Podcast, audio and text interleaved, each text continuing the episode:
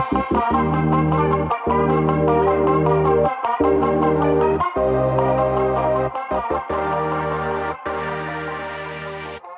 hey hey welcome to Hot Tea Fantasy Podcast.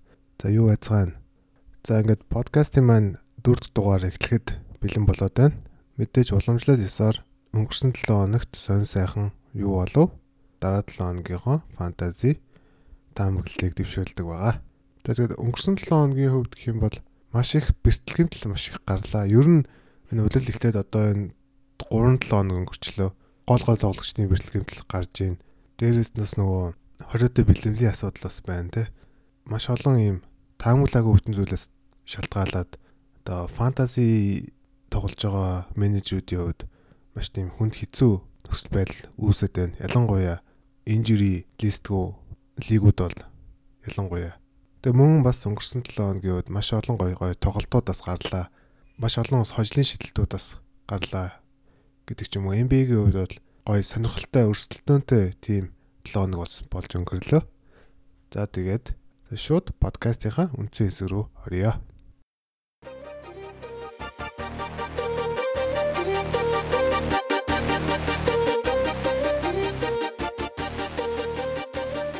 За NBA-гийн 3 дахь 7 хоногийн хувьд дөрөв дурдсанчлан маш олон зүйлүүд боллоо. Эдгээрээс гадна бэртэлтэй байсан тамирчид бэртлээ илааршуулж эргэж ирэх хугацаанд өгсөн ийм олон мэдээлэл бас гарлаа. Тэгээд энэхүү бас сайн мэдээгээр эхнийхээ хэсгийг бас эхлүүлье гэж бодож байна.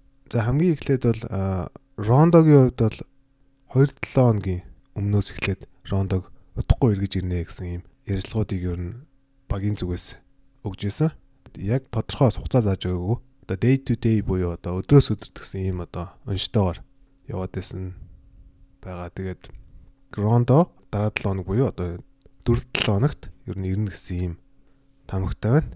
Ялангуяа Лекси дөрөв тоглолт хийх болохоор ер нь дараагийн тоглолтын дээр ирчих юм магадaltaй гэж Рондагс харж байгаа. Тэгэхээр Рондо ирчвэл бас Лекерсийн тотлогоо улам л бас ширүүсгэж улам сайн болох юм магадaltaй учраас фэнтези лигүүдэд ассист хэрэгтэй ч юм уу ийм одоо дип лиг байвал Рондог авахудаас буруудахгүй ийм сонголт байгаа. Гэхдээ Рондог бас тэгж их минут ашиглаж явахгүй байх. Ялангуяа энэ бэртэл дөнгөж итгэсэн энэ хугацаанд бол гэж харж байгаа. Тэгэхээр Рондог тийм ч их одоо фэнтези value нь ихтэй гэж харахгүй байгаа. За тэгээд хоёр талаар Black Griffin нас ирнэ гэсэн одоо юм мэдээллийг дөнгөсөө авлаа. Ялангуяа одоо нэгдгийн тоглолт буюу маргаашийн тоглолтын дээр Black Griffin-ыг эргэж ирнэ гэсэн хүн мэдээллийг одоо багийн зүгээс өглөө. Тэгээд мэдээж Black Griffin-ыг өндрөөр авсан фэнтези менежерүүдийн хувьд бол маш сайхан мэдээ байна. Black бол хэрвээ талбайдаа гараад тоглох юм бол маш үр бүтээлтэй багт хэрэгтэй тоглогч учраас фэнтези лигүүдэд бол маш сайн тус өргөх ийм тамирчин мөн болохоор Black-ийг ирж байгаад бас баяртай байна. За тэгээд гуравт болохоор Enes Kanter байгаа. Kanter бас ер нь нэгдгийн тоглолтын дээр questionable буюу одоо тодорхой бос байгаа. Гэхдээ ер нь гарах магадлал ихтэй гэж анализд харж байгаа юм байлээ. Тэгээд мэдээж кантер хичгээр тоглооны бас сайн төвийн тоглогч учраас оноо самбар гих зэрэг үзүүлэлтүүдийг бол маш сайн үзүүлэх юм магадлалтай. Тэгэхээр энэс кантрийг бол хэрвээ танай лиг дээр чинь хог дээр байгаа бол авахд буруудахгүй ийм сайн сонголт энэс кантер бол гэж хэлмээр байна. Гэхдээ яг хоо кантрийн эргэж ирж байгаатай холбогдуулаад Даниэл Тайс ч юм уу, Роберт Уильямсын минут нь арай багасах юм магадaltaй. Гэхдээ Кантриг бас тийм олон минут бас эхлээд тоглоулахгүй хаа гэж бодож байна. За тэгээд сүүлийн нэг том тоглогч нь бол Пол Жорж байгаа. Пол Жоржийн хувьд одоо эх 7 хоногт бол ирнэ гэсэн юм одоо мэдээллийг өгсөн байгаа. Clippers-ийн хувьд болохоор 3 дахь 4 дахь тоглолтод нөгөө back to back буюу одоо 2 өдөр дараалсан тоглолт байгаа. Тэгэхээр тэр хоёрын нэгэнд нь ирнэ гэсэн юм мэдээллийг бол өгсөн байгаа. Гэхдээ сүүлийн үед гарч байгаа мэдээлэлээр бол дөрөв дэх өдрийн Houston Tech тоглолтод бол эргэж ирнэ гэсэн юм мэдээллийг бол өгсөн байгаа. Тэгээ сая Clippers-ийн бэлтгэлийн бас зургаас харж байхад 5-9-5 бэлтгэлд оролцоод нэлээд дэжүү байгаа гэж харагджилээ. Ер нь бол бижигийн хувьд. Тэгээд мөрн бас бүрэн идэгсэн үгүй сайн мэдэхгүй байна. Тэгэхээр Пол Жоржи хувьд мөрний гэмтэл нөгөө шидэлтэнд нь их нөлөөлдөг учраас орж ирээ тоосох шитгэх нү те эсвэл бүр сайн эдгээд сайн шитгэх нү гэдгийг харж ил болгоно. Тэгээд PG-г авсан хүмүүс бас нэлээд баяртай байх. Болж орж бол маш сайн фэнтези тамирчин. Ялангуяа хамгаалтын үзүүлэлтүүдийг бас маш сайн өгдөг ийм тамирчин байгаа. Стилийг бол ер нь лигийн одоо хамгийн сайн суйлдаг ийм тамирчин байгаа. За тэгээд эдгээр гол нэрс дараа 7 хоногт иргэн ирэхээр байгаа. За ингээд дугаар болгонд ярьж байгаа гимтэл бэртлийн мэдээг танилцуулбал Атланта Оксбогийн хүчний товтлогч Джон Коллинсийн хувьд NBA-гийн зүгээс харж жагсаалтанд өгсөн одоо 20-д бэлтгэлийн жагсаалтанд орсон энэ бэлтгэл хэрэгэлсэн учраас 25 тоглолтоор мөн торгуулсан байгаа. DeAndre Ayton-ы яраас. Тэгэхээр одоо John Collins-ийн хувьд болохоор яг 3 дахь тамирчин болж байна. Эхний тоглогчд нь бол улирал эхлэхэд гарсан Wilson Chandler байсан. Хоёр дахь тоглогчд бол бидний мэдхээр DeAndre Ayton ингээд 3 дахь нь John Collins болж байна. Тэгээд маш харамсалтай John Collins-ийн хувьд Fantasy League гэлтгөө энэ одоо Atlanta Hawks-ийн улирлыг ер нь бас бүснүүлсэн ийм одоо том мэдээ болж байна. Яг гэвэл Атланта Хоксог энэ жил ер нь плей-офф руу дайрах ийм зорилготой гарч ирсэн боловч одоо багийн гол тоглогч, багийн лидер Джон Коллинсийн хувьд 25 тоглолт гэдэг бол бараг 4-ний 1 гэсэн үг. Тэгэхээр бараг 12 сар 1 сараас эхэлж талбайд гарахаар ийм хэцүү байдалд ороод байна. Атланта Хокс багийн хувьд. Тэгээ мөн фэнтези Джон Коллинсыг авсан багууд ч гэсэн мөн маш хэцүү ийм одоо удирлыг бас өнгөрүүлж байгаа. Джон Коллинсыг бол их нь ер нь 20 дугаар дөргөөр авсан маш их итгэл хүлээлгсэн ийм тамирчин байсан. Маш харамсалтай байна. Тэгээд NBA-гийн зүгээс одоо энэ 20-т юм бэлтгэл хэрэгжилж байгаа асуудал лигийн зүгээс нэлээд юм чангалж байна. Тэгэхээр одоо бусад тоглогч нарт бас нэлээд мэд мессеж өгч байгаа ийм шийдвэрүүд болохоор залуу одуудаа шууд шууд ингээд 25 тоглолтод оргоод байгаа нь тэрнтэй бас холбогдолтой болов уу гэж бас бодож байна.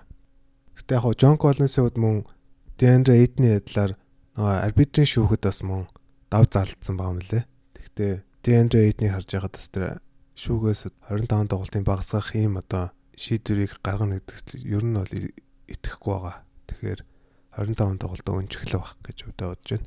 Тэгээ мэдээж Джон Коллинсыг одоо 25 тоглолт байхгүй үед хамгийн одоо фэнтези value нь өсөх хамгийн багт одоо хэрэгтэй болох тоглогч нь бол мэдээж Jabari Parker байгаа. Тэгэхээр сая Collins-гүй 2 3 тоглолтод Jabari Parker маш сайн тоглож ер нь багийн хоёр дахь лидерээр статистик үзүүлэлтүүд ч тэр ер нь маш сайн ингэж авч исэн юм байгаа. Тэгэхээр хэрвээ танаа лигт Jabari Parker waiver дээр байх юм бол заавал авах хэрэгтэй ийм одоо тамирчин гэж хавтай зөвлөх байна. Тэгээд мөн Parker-аас гадна бас DeAndre Hunter-ийн минут жоох өснө. Мөн Collins-ийн хувьд заримдаа бас төв дээр гардаг гэсэн болохоор Alex Lang-ийн минутаас жоохон өснө гэж харж байна. Гэхдээ хамгийн одоо value сууг өсөж байгаа тамирчин бол Jabari Parker гэж харж байна.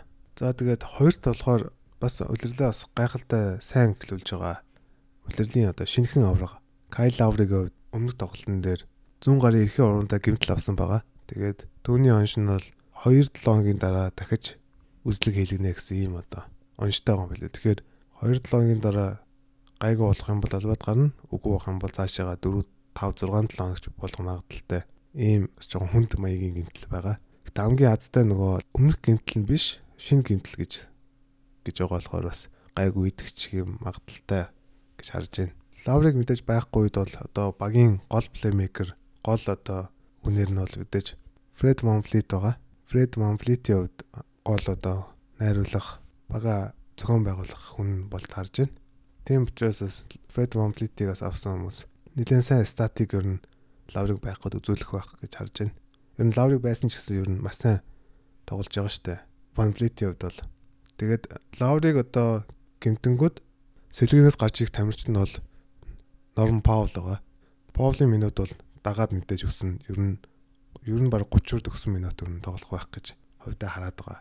Тэгэхээр Норм Паул бол өөрөө маш авьяаслаг тамирчин. Дээрэс нь минут өгөх юм бол ер нь сайн тус нэмрийг ер нь багтаа үзүүлж чадна. Дээрээс нь сайн статикч ер нь үзүүлж чадгаар энэ төвөрчин болохоор фэнтези лигүүдэд Нуран Боолыг ер нь авахд ер нь буруудахгүй.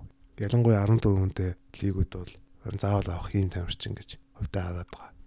За ингээ 3-д бол бас нэг Raptors-ийн тамирчин Serge Ibaka байгаа. Тэгэд Ibaka Lowry-тай адилхан тухайн тоглолтын дээр шагаага хазгаа гიშгэж талбайг оргисон байгаа. Тэгээд тоглолтын дараа нэг нөрс дасгалж явуулагчийн хувьд Ибакагийн гэмтэл дээр нэлээд тийм санаа зовсон нэлээд хэцүү хүнд гэмтэл гэж одоо тодорхойлсон байгаа. Тэгэхээр мөн хизээ эргэж ирэх хугацааг өгөөгүй тодорхойгүй ингэж өгсөн байгаа. Тэгэхээр ер нь нэлээд тийм хүнд гэмтэл юм уу? Нэлээд удаа хугацаанд бас талбайн гадна байх байх гэж хараад байгаа. Тэгэхээр магадгүй 6 7 хоног ч юм уу талбайн гадна бол байх байх. Тэгэхээр Ибакагийн эзгүүд бол мэдээж сэлгэнээс гарч ирж байгаа хамгийн одоо гол одоо хүн бол Крис Бошарт гэдэг залуу байгаа. Тэгээ сая Lexus-ийн тоглолтын дээр маш сайн тоглож, маш сайн хамгаалтуудыг үзүүлж, багтаа бас нэлээд тос өргөж чадсан байгаа. Тэгэхээр бас танах хэрвээ 14 хүнтэй ч юм уу нэлээд deep league бол Крис Бошартыг бол заавал авах ийм тоглогч гэж харж байна. Ибакаг байхгүй. Тэгээ мөн Ибакаг байхгүй мэдээж Марк Газолийн тоглолт бас нэлээд ихсэг бах минут нь. Газолийн хувьд энэ жил ер нь нэлээд тийм муу байгаа ялангуяа нэлээд тийм хандсан гэж одоо хүмүүс яриад байгаа. Ер нь тэрнтэй санал нийлж байна. NBA-г авраг болсон, дэлхийн авраг болсон. Нэлээд тийм бие нөөсөн ийм маягтай байгаа болохоор манайны хувьд бас нэлээд тиймч level up их ийм одоо цаг үеийн ирсэн гэж харж байна. За тэгээд э, дараагийн нэг бас гинтл мэртлийн мэдэн маш харамсалтай Гордон Хейворд байгаа. Түүний хувьд үлрэлгснээс хойш маш сайн тоглож одоо Босton Celtics багийнхаа баг ихний гол тоглогч байсан боловч одоо сая өмнөх тоглолтын дээр мөн гараа хугалж 4-6 7 хоногийн гэсэн онцтой түүний хувьд бол байна. Тэгээд маш харамсалтай хуучны Гордон Хейворд ирсэн гэж яригдж маш сайн гой тоглолтыг өнөдүүлжсэн шүү дээ. Тэгэхээр ер нь харах харамсалтай Хейвордын хувьд. Тэгээд хурдан эргээд ирээрээ гэж хүсэх байна. За тэгээд Хейвордын гимтлээ шалтгаалаад мэдээж Джейсон Тэйдэм, Джейлен Браун хоёрын одоо довтлох тоон өснө, Кембагийн ч мөн өснө гэж харж байгаа. Тэгээд минут арай их илүү олдож магадгүй тамирч нь бол Маркус Мартин минут бас нэлийн өсөх бах гэж харж байна. За тэгээд өмнөх 7 хоногийн хувьд иймэрдүү бас сонь сайхан мэдээ мэдээлэл байлаа. Өмнө нь бас ярьсанчлан маш олон гэмтэл бэртлийн мэдээ гарч байгаа нь тун тоогүй байна. Тэгээ цаашаага тамирчид бас бити гэмтэж бэртээсэ гэж хүсэх байна. За тэгээ шууд дараа 7 хоногийнхоо фэнтези прогноз руу хэд орё гэж бодож байна. За тэгээд NBA-гийн 4 дахь 7 хоногт багууд хідэн тоглолт хийж хэрхэн одоо хуваартай байна вэ? Улбаалаад ямар тоглогчийг вэврээс авал зохих вэ гэдэг энэ хүү сегмент парт хоёроо эхлүүлье гэж бодож байна. За тэгээд хамгийн эхлээд бол мэдээж 4 дахь 7 хоногийн хувьд хідэн баг хідэн тоглолт хийх хуваарийг танилцуулах юм бол хамгийн дээд нь бол дөрвөн тоглолттой 11 баг байна эдгээрийг танилцуулах юм бол Celtics, Timberwolves, Clippers, Lakers, Pelicans, Spurs, Rockets, Sixers, Grizzlies, Hawks, Warriors гэсэн 11 баг байгаа юм байна. Тэгээд 16 баг 3 тоглолттой буюу одоо хамгийн их багууд 3 тоглолт хийх ийм одоо хойртой байна. Эдгээр нь бол Jazz, Knicks, Portland, Nuggets, Raptors, Heat, Hornets, Magic, Bulls, Pacers, Pistons, Mavericks, Wizards, Kings, Nets, Cavaliers гэсэн ийм 16 баг байна. За тэгээд хамгийн бага тоглолт хийх багууд нь бол 2 тоглолт байгаа. Эдгээр нь 3 баг байна. Bucks, Suns, Thunder гэсэн энэ 3 баг байгаа юм байна. Тэгэхээр дараа 7 хоногийн хувьд бол Янис Антетокумпотой ч юм уу Дэм Бүкертэй, Шэгилс Александртай багууд бол жоохон статын хувьд бол жоохон буурах, муу үзүүлэлт үзүүлэх магадaltaй ийм одоо 7 хоног байгаа юм байна. Тэгээ мөн фэнтези менежерүүдийн хувьд бас гол чухал мэдээ байдаг нь тухайн 7 хоногт тухайн өдөр хідэн тоглолттой буюу одоо quality days-ийг хардаг байгаа. Тэгэхээр дараа 7 хоногийн үед бол нэлээд тийм тарцсан бүгд quality days-тэй ийм өдрүүд байгаа юм байна. Тэгэхээр тоглогчид дүүрээд сэжлэн суух юм магадлал бол баг байхгүй гэж харж байна.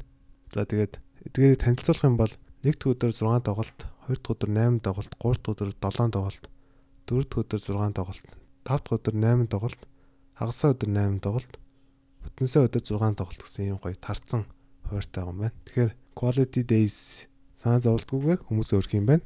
Тэгэд мөн 4-7 хоногийн бас нэг онцлог зүйл нь бол нөө back to back буюу дараас нь тоглолттой өдөр бол бас нэлээд их байгаа юм байна. Олон багуудын хувьд бол back to back хийж байгаа юм байна.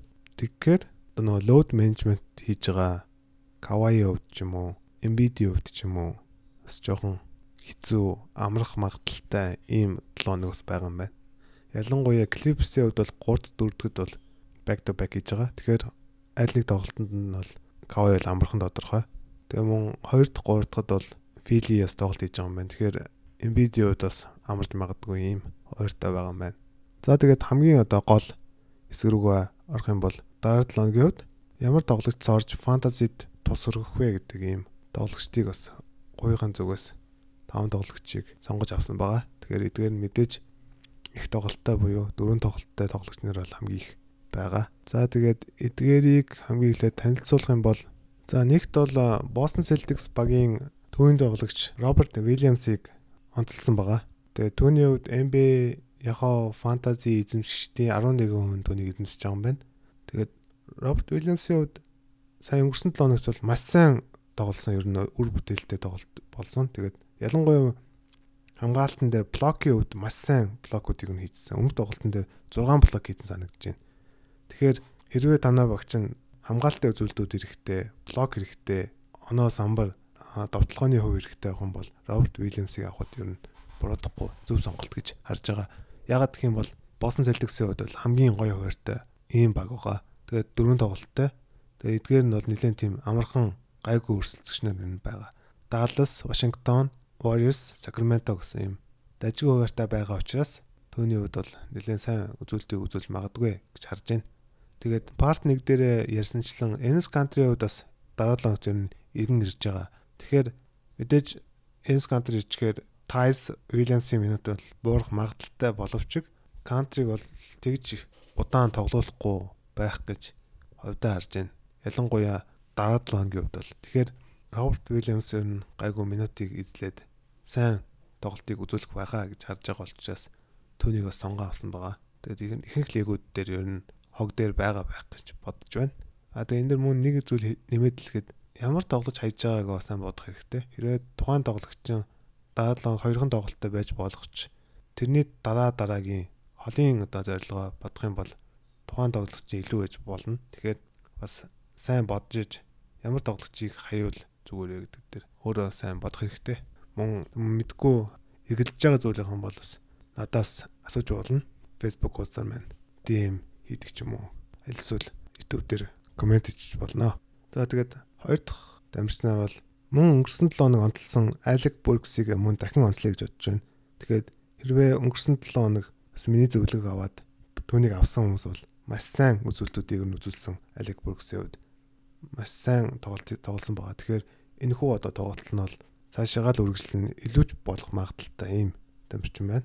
Одоогоор 20.5 оноо 6.5 самбар 2.5 ассист 1.5 3 шидэлтийг нь дундалж байгаа юм байна. Тэгээд хамгийн гол нь болохоор 49 сарын 1 буюу нэлийн сайн үзүүлэлттэй баг 50%-тэй дүүцхийц товтлогыг амжилттай болгож байгаа юм байна.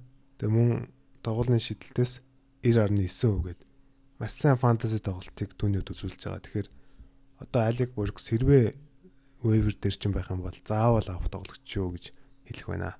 Тэгээ мэдээж Warriors-ийн хувьд мөн дахиад дөрвөн тоглолттой ийм хуваартай байгаа.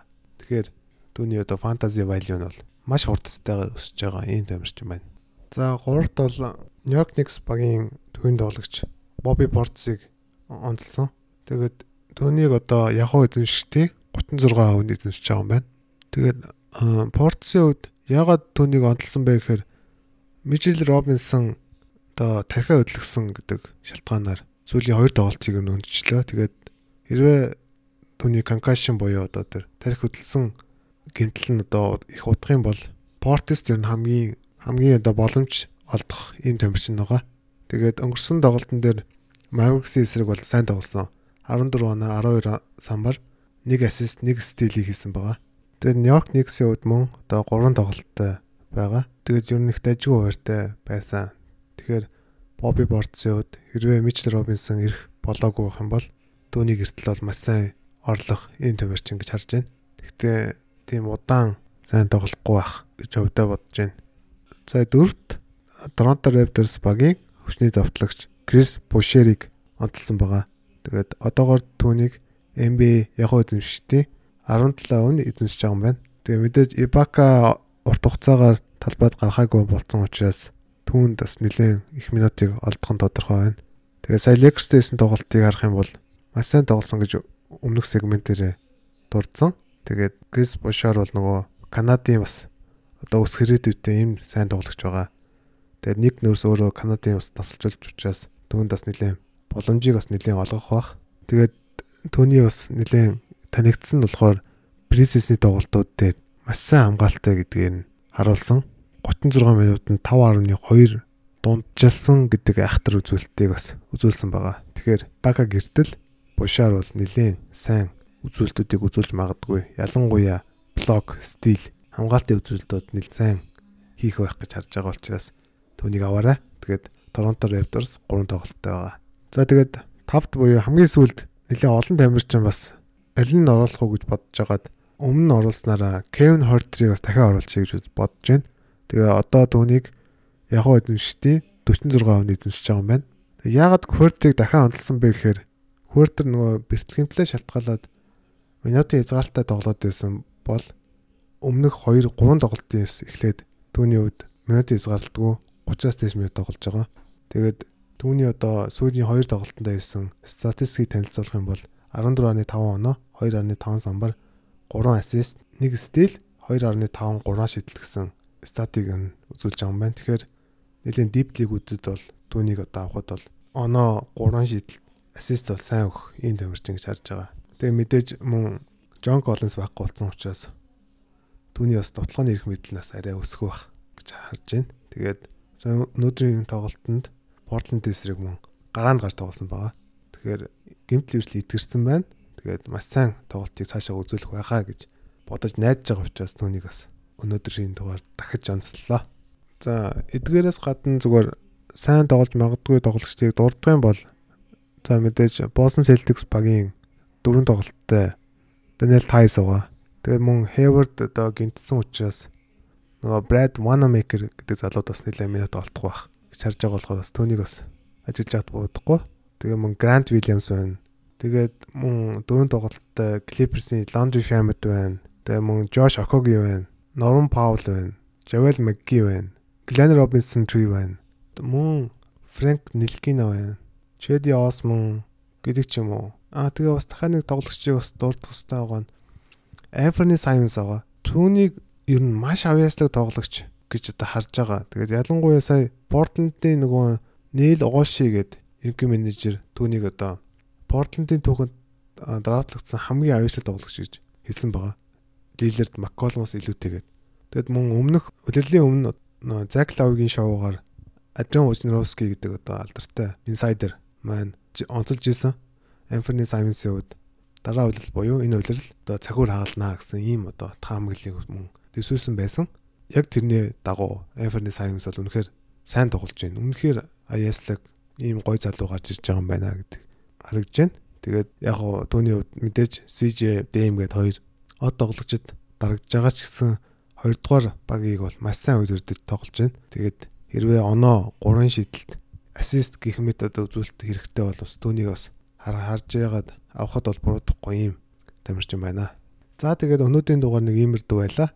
Тэгээд өндөрлгөөс өмнө нэг зүйлийг бас хэлэхэд саяхан би нөгөө Zack Lowe гээд ESPN-ий нэлээд сайн сэтгүүлч аналист байдаг. Тэрний одоо подкастэнд Dan McManaman гээд Lakers-аар дагнан бичдэг бас ESPN-ий аналист сэтгүүлчийн өргөдөн орсон дугаарыг бас сонсч байсан. Тэгсэн чинь маш сонирхолтой түүхийг түүний үед ярьсан байгаа Дэвид.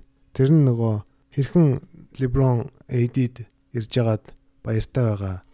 Тэгэд 23 дугаараа хэрхэн одоо өгөхөр болсон тухай тийм одоо гоё түүхийг нэлийн хүмүүсийн мэдгүй тийм түүхийг хуучилсан байгаа. Тэгээд түүнийг бас нэлээд сонирхолтой байх болов гэдэг үүднээс орчуулад сабтайтл хийгээд гаргах ийм одоо ажил руу бас орцсон байгаа. Тэгээд ер нь удахгүй энэ 7 хоногийн дундуур ер нь YouTube хуудсан дээр маань орчих бах. Тэгээд Lakers фэнүүд ялангуяа LeBron Eddie фэнүүд байх юм бол манай хуудсыг бас чеклж байгаарай. Тэгээ мөн Facebook дээр манаас орно. Тэгээд тэгээ Facebook дээр мөн бас мэдээ мэдээлэл бичиж байгаа. Өнөөдрийн онцлог үзүүлэлтүүд гэдэг ийм одоо тухайн өдрийн гол статыг бичиж байгаа ийм бас болон бас байгаа. Тэгэхээр фэнтези тоглолдог NBA сонирхдаг менежер Hot Fantasy гэдэг Facebook хаягаар маань лайк дарж бидний дэмжээрэй. Тэгээ мөн мэдээж YouTube, Apple Podcast, Google Podcast, Stitcher, Pocket Cast гэдэг бүх сувгууд дээр манай подкаст нийтлэгдэж байгаа. Бүгдийг ингээ сонсоорой. Тэгээд лайк, subscribe хийгээрэй, comment үлдээгээрэй. Иргэлдэж байгаа мэдгүй юм байх юм бол хамаагүй асуугаарай. Өргөл нээлттэй болно. Тэгээд тэгээд 4-р 7 хоногт таны фэнтези багч нь амжилттай оролцоосай гэж хүсэж байна.